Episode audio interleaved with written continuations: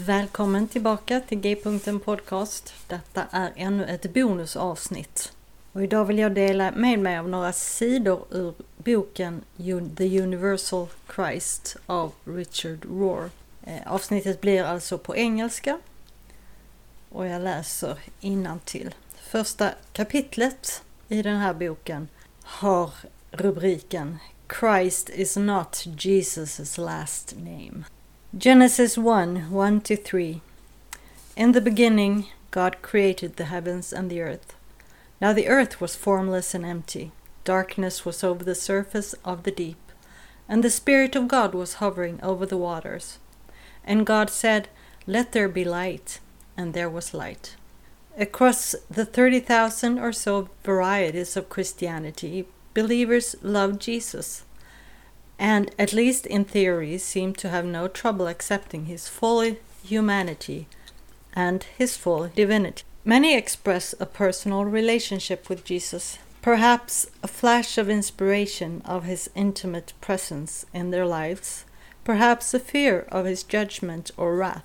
Others trust in his compassion and often see him as justification for their worldviews and politics. But how might the notion of Christ change the whole equation? Is Christ simply Jesus' last name? Or is it a revealing title that deserves our full attention?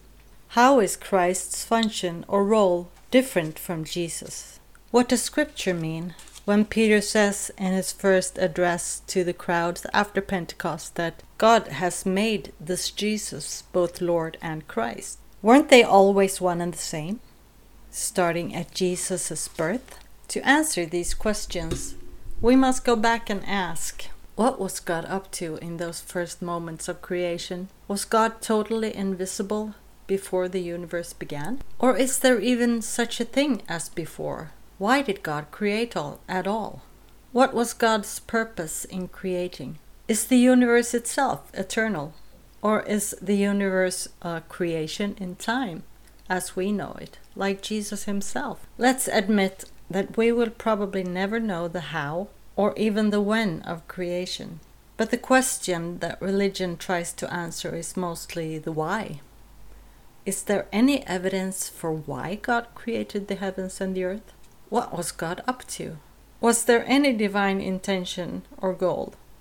Or do we even need a creator God to explain the universe? Most of the perennial traditions have offered explanations, and they usually go something like this Everything that exists in material form is the offspring of some primal source, which originally existed only as spirit. This infinite primal source somehow poured itself into finite visible forms, creating everything from rocks to water, plants, organisms, animals, and human beings.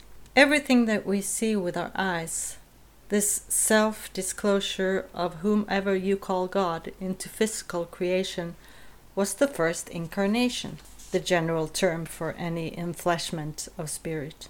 Long before the personal second incarnation that Christians believed happened with Jesus. To put this idea in Franciscan language, creation is the first Bible and it existed for 13.7 billion years before the second Bible was written. When Christians hear this, hear the word incarnation, most of us think about the birth of Jesus, who personally demonstrated God's radical unity with humanity.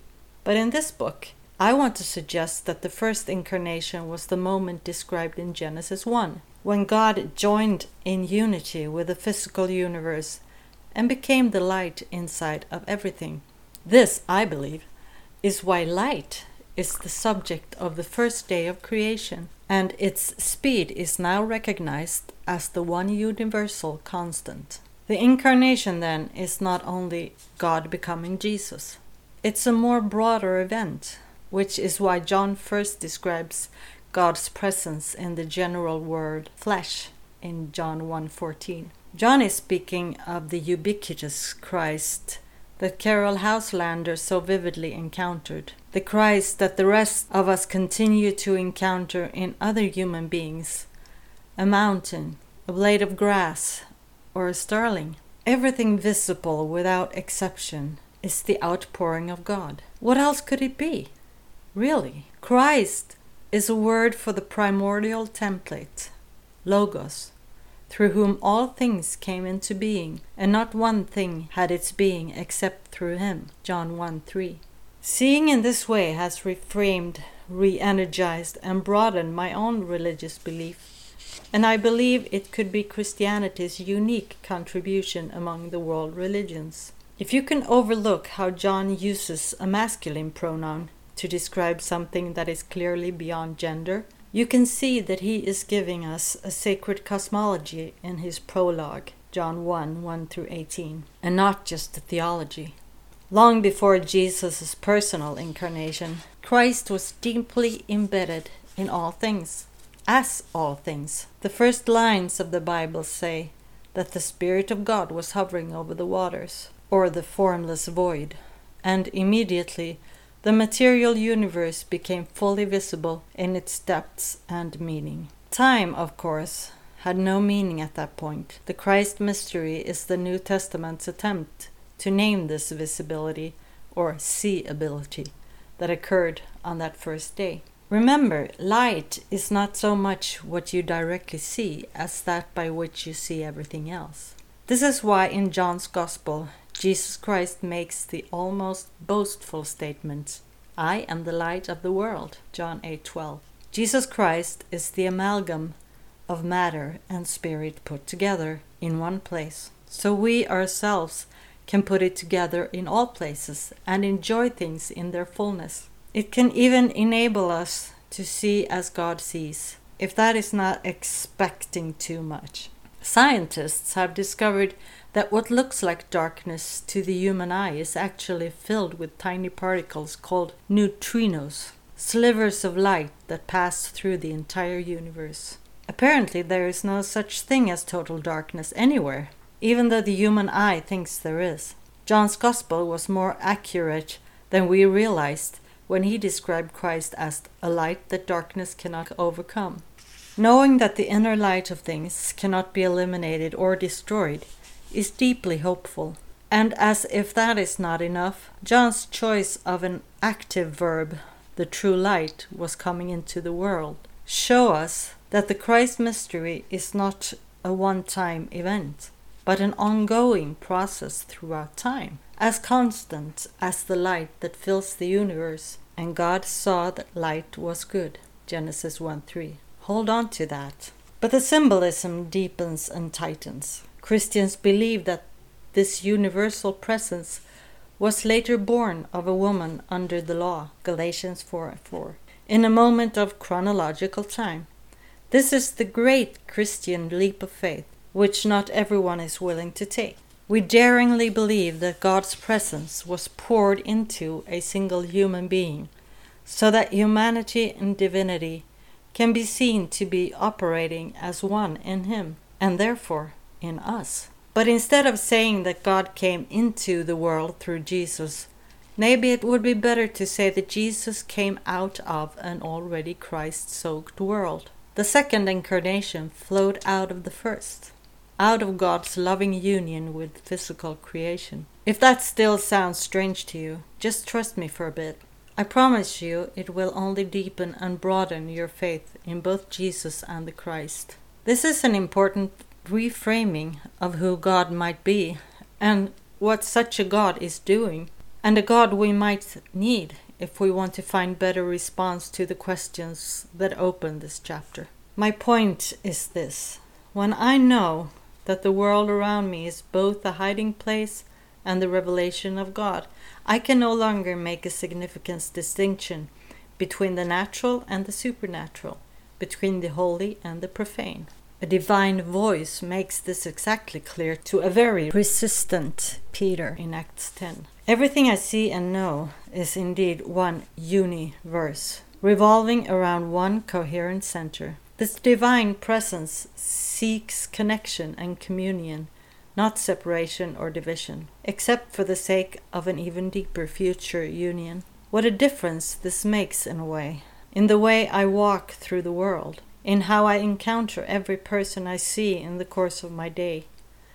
It is as though everything that seemed disappointing and fallen, all the major pushbacks against the flow of history, can now be seen as one whole movement, still enchanted and made use by God's love. All of it must somehow be usable and filled with potency, even the things that appear as betrayals or crucifixions. Why else and how else could we love this world? Nothing and no one needs to be excluded. This kind of wholeness I'm describing is something that our postmodern world no longer enjoys and even vigorously denies. I always wonder why.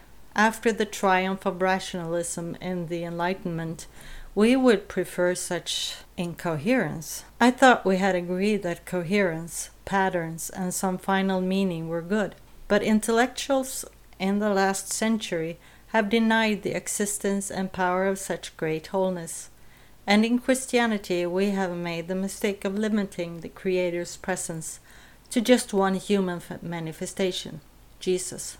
The implication of our very selective seeing have been massively destructive for history and humanity. Creation was deemed profane, a pretty accident, a mere backdrop for the real drama of God's concern, which is always and only us, or even more troublesome, Him. It's impossible to make individuals feel sacred inside of a profane, empty, and accidental universe. This way of seeking makes us feel separate and competitive, striving to be superior instead of deeply connected, seeing even larger circles of union.